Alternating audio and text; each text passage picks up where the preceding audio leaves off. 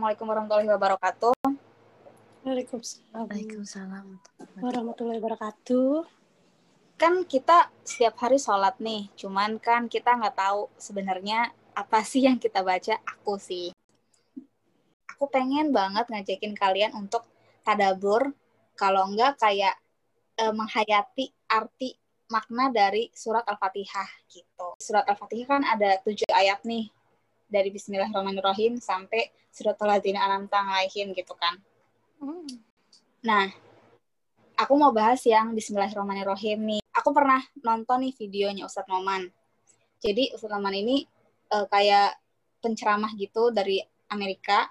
Terus yang aku tahu, yang aku pelajari Bismillahirrahmanirrahim itu uh, kita nggak uh, bilang kalau Bismillah aja kan Bismillah artinya dengan nama Allah gitu kan di Al-Quran artinya kayak gitu. Kalau bismillah, bismillah aja kan dengan nama Allah itu tuh yang aku pelajari itu tuh cuman kayak fragmen aja, frak, frasa atau fragmen gitu. Tapi bukan jadi kalimat gitu loh. Di ayat pertamanya Al-Fatihah kan bismillahirrahmanirrahim kan, bukan bismillah aja. Karena kalau bismillah aja tuh kalimatnya jadi kayak nggak lengkap gitu loh. Kan kita juga diajarin kalau misalkan mau ngapa-ngapain itu selalu diawali dengan bismillah, itu betul cuman bismillahnya bismillah ngapain? Karena bismillah itu belum jadi satu kalimat gitu. Nah bismillahirrahmanirrahim itu beneran dipakai setiap kita mau ngapain aja gitu. Itu bismillahirrahmanirrahim ya. Jadi kalau menurut aku kita bisa pakai bismillah aja. Karena bismillah itu menurut aku belum lengkap kalimatnya gitu. Terus ayat kedua surat al-fatihah nih alhamdulillahirobbil alamin ini maknanya masya Allah sekali ya dari, dari kayak alhamdulillah kata hamnya kita bersyukur iya dan kita memuji Allah juga dalam satu dalam satu kali dalam satu kata itu gitu. Itu masya Allah dan itu ham ini termasuk kata benda dan karena kata benda berarti uh, timeless gak ada jangka waktunya. Alhamdulillah gitu. Nah kalau misalkan lillah ini setahu aku ya yang aku pahamin itu Allah kayak memperkenalkan dirinya ke kita semua, ke umat di seluruh dunia ini gitu. Itu tuh bahwa kita tuh harus praising, harus thanks tuh ke siapa gitu loh.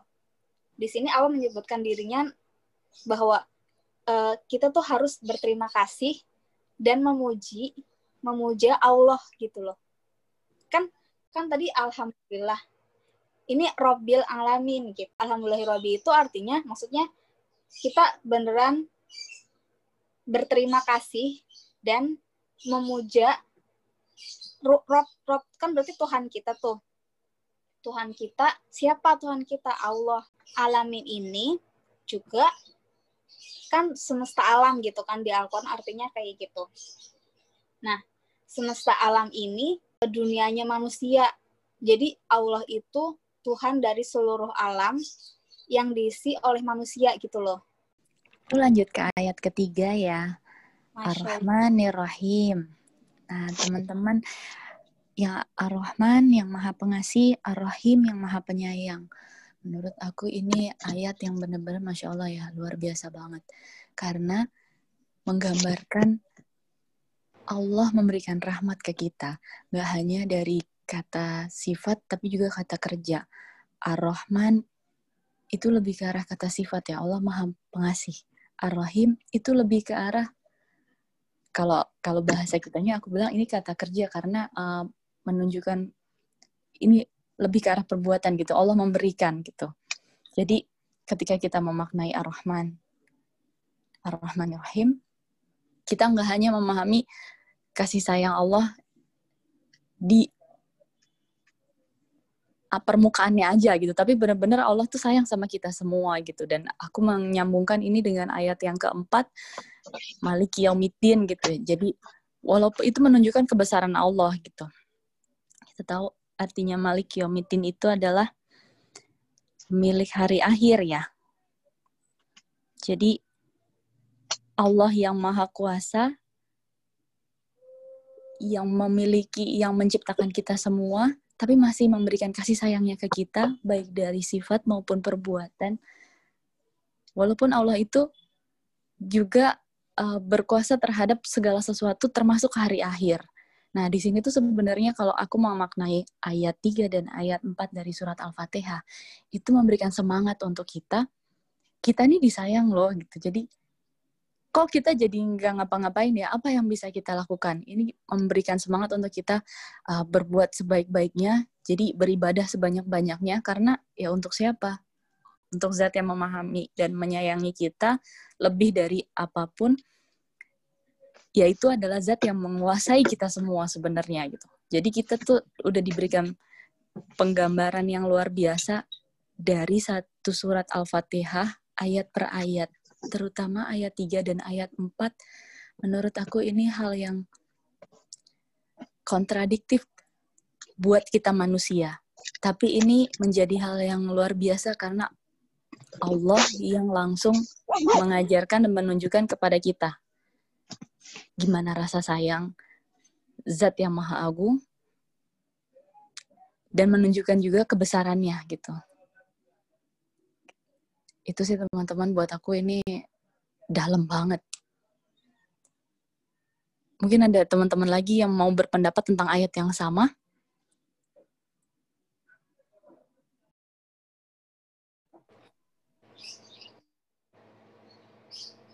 Kalau aku nih kak, e, memang kontradiktif banget ya kak yang tadi e, Ar-Rahmanir-Rahim Maliki Yaumiddin. Jadi memang Allah sudah ngasih e, kasih sayang semuanya lah buat kita gitu loh.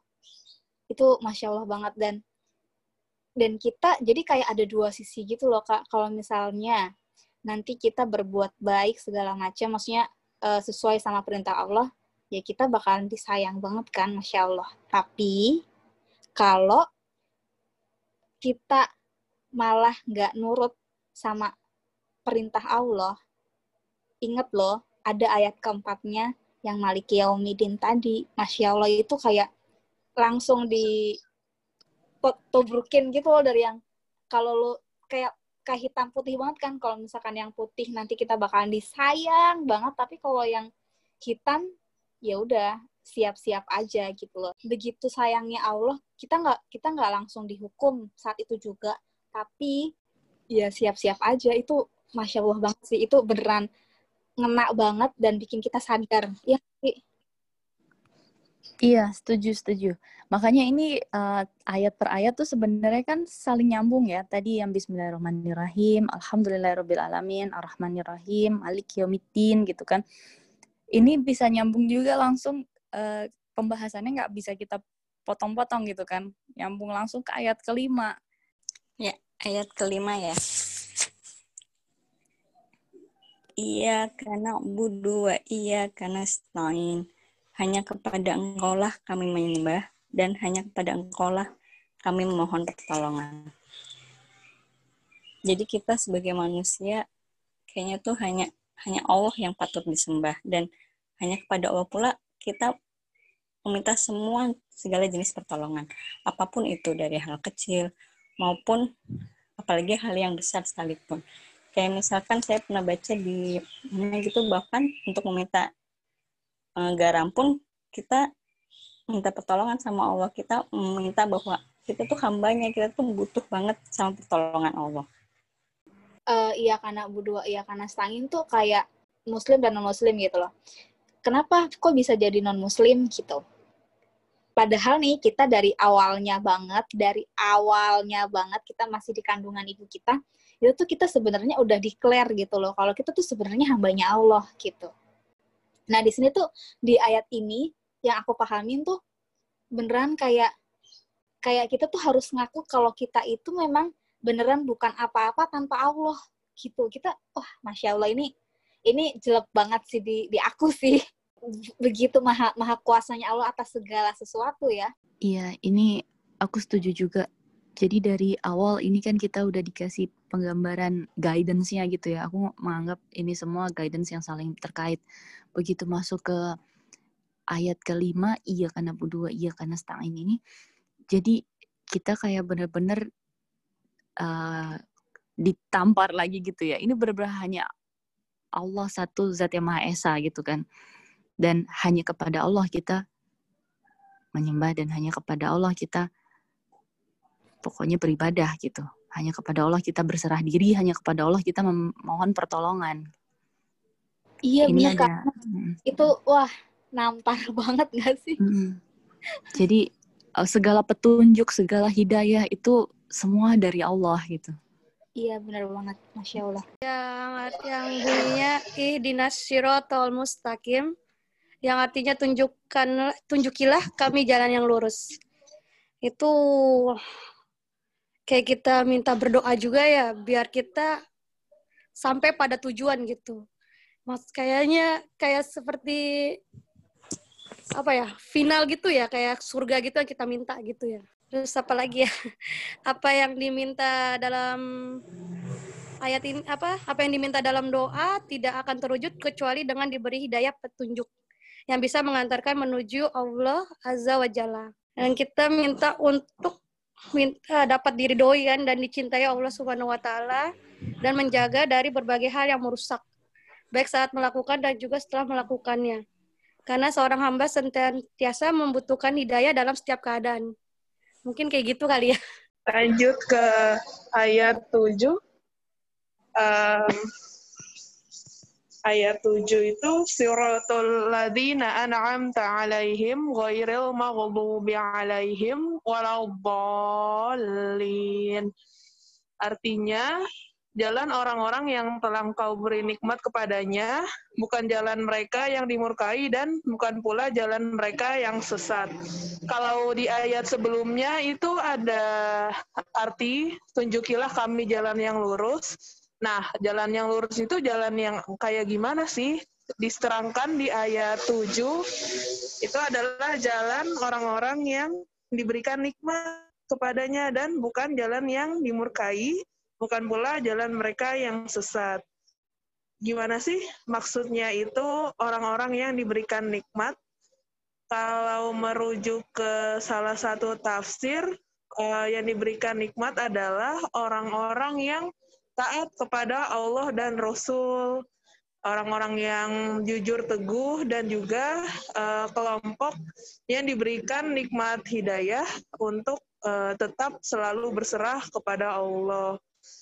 Jadi um, sebaik-baiknya karunia adalah karunia hidayah yang diberikan oleh Allah untuk selalu taat kepada Allah dan juga uh, para nabi. Karena uh, pernah nggak sih kita tuh uh, mikir kita tuh kayak udah ada di dalam suatu kondisi kayak misalnya punya teman yang banyak atau uang yang banyak juga, tapi kok rasanya hati kita nggak tenang.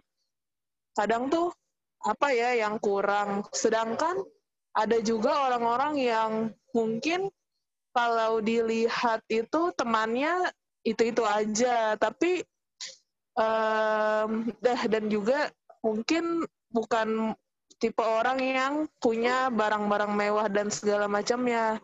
Tapi hidupnya itu kayak merasa tenang karena percaya bahwa di setiap langkahnya itu ada Allah yang akan selalu menjaganya. Ketika mendapatkan musibah, ia bersabar, tapi juga ketika diberikan rezeki, ia bersyukur.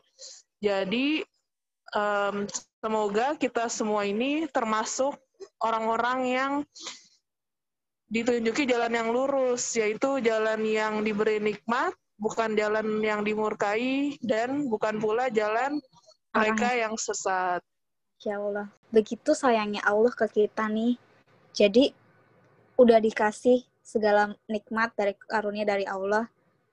Dan kalau kita nurut kayak gimana, kalau kita nurut kayak gimana, dijelasin juga di ayat Al-Fatihah ini. Terus dan gak cuman itu gitu loh kita minta petunjuk sama Allah dan dikasih petunjuk yang langsung di ayat 7 ini kan dikasih langsung kan ya, kita betul. disuruh mencontoh ada loh yang sudah Allah beri nikmat dan lulus ya kan dan ada juga di sini bukan bukan Goiril Makdubi alaihim tuh kalau yang aku pahamin bukan jalan yang dimurkai dan uh, kita akan contoh mereka tapi apa benar mereka sudah beneran lulus gitu kan. Padahal di ayat ini itu beneran dikasih tahu siapa sih yang udah lulus dan ada contoh-contoh di Al-Quran juga mana orang yang Allah murkai dan Aku pernah baca bener, juga sih ini apa eh, kenapa sih kalau kita sholat itu pasti kita akan um, kenapa kita perlu meminta hidayah gitu padahal kan uh, kita sholat itu juga sebuah uh, perwujudan ibadah kita gitu ya Hmm. Nah, aku pernah baca uh, Imam Ibnu Kasir itu dia pernah um, menyampaikan hal yang seperti itu. Dia kenapa selalu meminta hidayah setiap sholat? Padahal kan Hmm. dia udah beriman gitu. Apakah ini kerjanya yang sia-sia gitu ya? Tapi kita balikan lagi. Uh, memang kita sebagai seorang hamba itu yang meminta hidayah di siang dan malam pun tidak ada jaminan gitu kan Iya. bahwa Allah akan banget, Kak, akan Masya Allah. memberikan. Mm-mm. Jadi ya, ya kita sebagai seorang hamba ya selalu harus memohon gitu. Tunjukilah kami jalan yang lurus. Karena kita benar-benar nggak tahu apa yang ada di depan gitu. Kalau disambungkan dengan ayat-ayat yang sebelumnya, makanya uh, kalau semakin kita membaca ayat per ayat, semakin kita ngerasa kenapa Al-Fatihah ditaruh di halaman paling, Paling depan depan. Al-Quran. Iya Ya, benar. karena ini benar-benar ya. petunjuk dari awal uh, Allah tuh menggambarkan kepada kita gitu kehidupannya, mengenalkan mengenalkan Allah kepada hambanya gitu ya. Ini Hmm. loh Allah itu seperti ini, yang baik dari sisi penyayang maupun dari sisi kekuasaan keesaan Allah gitu. Terus masuk ke sini, ya kita ditunjukkan gimana caranya. Uh, ya kita memohon gitu kan hanya kepada Allah kita relay untuk memberikan apa memohon petunjuk, memohon pertolongan, memohon ampunan gitu kan. Dan itu ya memang harus kita lakukan tiap saat karena kita nggak tahu hidayah itu kapan diberikan, hidayah itu kapan diambil. Kalau kita nggak memohon, nanti kita nggak berada di jalan yang lurus lagi nih. Gitu. Benar Iya, banget. Benar banget. bener kak bener kak jadi Kadila kan Kadila bilang tadi eh, minta ditunjukkan jalan yang lurus gitu kan berarti. Iya. nah iya Kadil jadi apa ya itu tuh bikin aku tuh kayak wah beneran kita tuh memang harus beneran selalu minta. Jadi kan aku pernah eh, baca atau dengar deh kalau nggak salah. Jadi kita tuh harus selalu berdoa ke Allah gitu kan. Karena memang kalau misalkan kita nggak berdoa katanya kita bakalan jadi orang yang sombong kan. Karena memang Oh iya. menyambung ke ayat-ayat yang sebelumnya, kita tuh bukan apa-apa, kayak udah declare di iya karena berdua, iya karena setangin aja, iya karena budi kita udah ngaku kalau kita tuh nggak punya apa-apa, kita bukan siapa-siapa, makanya di ayat berikutnya kita minta ke Allah, semoga Allah ngasih ngasih jalan, ngasih ngasih hidayah ke kita, dan kita tetap punya tujuan yang tujuannya ke Allah juga, dan itu buat kita sebenarnya. Itu apa ya gabungan kasih sayang dan perintah dan semuanya itu klop dan wah masya Allah ini keren banget gitu loh. Orang yang menurut Allah sesat gitu. Itu kita tinggal beneran harus bedah Quran banget dan ini di sini dikasih tahu di ayat ini gitu. Itu keren banget sih masya Allah Iya, dan menurutku juga kalau kita lagi bingung, kayak misalnya ditolak eh, pekerjaan atau kehilangan orang-orang yang kita cintai, entah itu karena meninggal atau karena ada kejadian-kejadian lain, untuk kita beneran langsung dikasih contohnya tanpa kita harus cari-cari lagi kita nggak bingung lagi. Ya itu jelek juga sih di aku kayak kita selama ini kayak cari idol atau eh, pergi dari kesedihan dan kekecewaan kita itu memang akan sangat baik kalau kita mencari inspirasi atau obat hati di Al-Quran, apalagi di surat Al-Fatihah yang pembuka ini. Tadi teman-teman juga udah sharing ya, itu Masya Allah banget sih.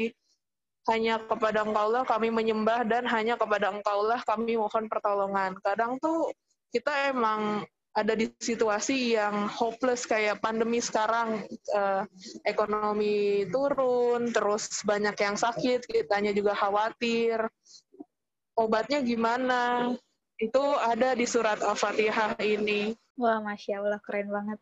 Teman-teman ada yang mau nambahin nggak? Baca surat ini maksudnya eh, terima kasih juga teman-teman ngebahas surat Al-Fatihah tadi. Aku jadi kayak disadarin kalau memang ya kita nggak pernah sendiri karena pasti ada Allah dan Allah tuh udah ngasih petunjuk loh gimana eh, caranya supaya kita tetap bisa apa eh, menjalani kehidupan ini gitu dan udah ada contoh-contohnya juga gitu. Kalau kita lihat zaman dulu juga pernah ada nih hal-hal seperti ini wabah-wabah gitu kan juga ada kan. Dan mungkin ini juga bisa jadi referensi buat kita gimana orang-orang terdahulu yang Allah bilang sudah terpilih itu menghadapi kondisi ini. Iya ya karena zaman ini kan sebenarnya kayak yang dijelaskan tuh berulang terus berulang terus gitu nggak ada hal yang baru gitu kan kak masya Allah Iya betul betul. Jadi ya Allah ngingetin lagi nih ke kita. Makasih ya teman-teman, saya diingatkan juga lewat teman-teman ngebahas pagi ini. Wah, masya Allah, semoga bermanfaat ya teman-teman semuanya. Amin. Amin. Oke, alhamdulillah. Jadi terima kasih banget nih buat teman-teman, buat Kak Agnes, buat Kak Yuni, buat Kak Dila, buat Kak Salma. Wah, ini seru sekali pembahasan pagi-pagi kayak gini. Dan memang sih kita bikin beneran nyadar lagi emang sebenarnya kita butuh ya yang pembahasan-pembahasan kayak gini biar kita tuh lebih apa ya lebih sadar oh ada loh ya kita pagi ini juga bisa bertemu semuanya nih lengkap karena Allah yang mengizinkan ya. Bukan karena memang kita bisa. Ya kita bisa karena Allah yang mengizinkan. Balik lagi ya masya Allah. Ya udah teman-teman. Terima kasih banyak ya sudah ikutan ber berpartisipasi pagi ini. Pagi-pagi mengganggu mohon maaf. Tapi semoga bermanfaat. Semoga ada yang bisa kita ambil dari masing-masing kita semoga Allah merahmati kita semoga semuanya sehat amin, semua. amin. Amin. amin lancar urusan-urusannya ya. Terima Amin. kasih. Assalamualaikum. Makasih ya Sarah. Waalaikumsalam. udah nge-closein ya salam kenal juga buat semuanya. Salam kenal buat semuanya. Kita Ya. ketemu ke Sunda Kelapa ya teman-teman. Insya Allah. Terima kasih Kak. ya assalamualaikum. Waalaikumsalam. Waalaikumsalam warahmatullahi wabarakatuh.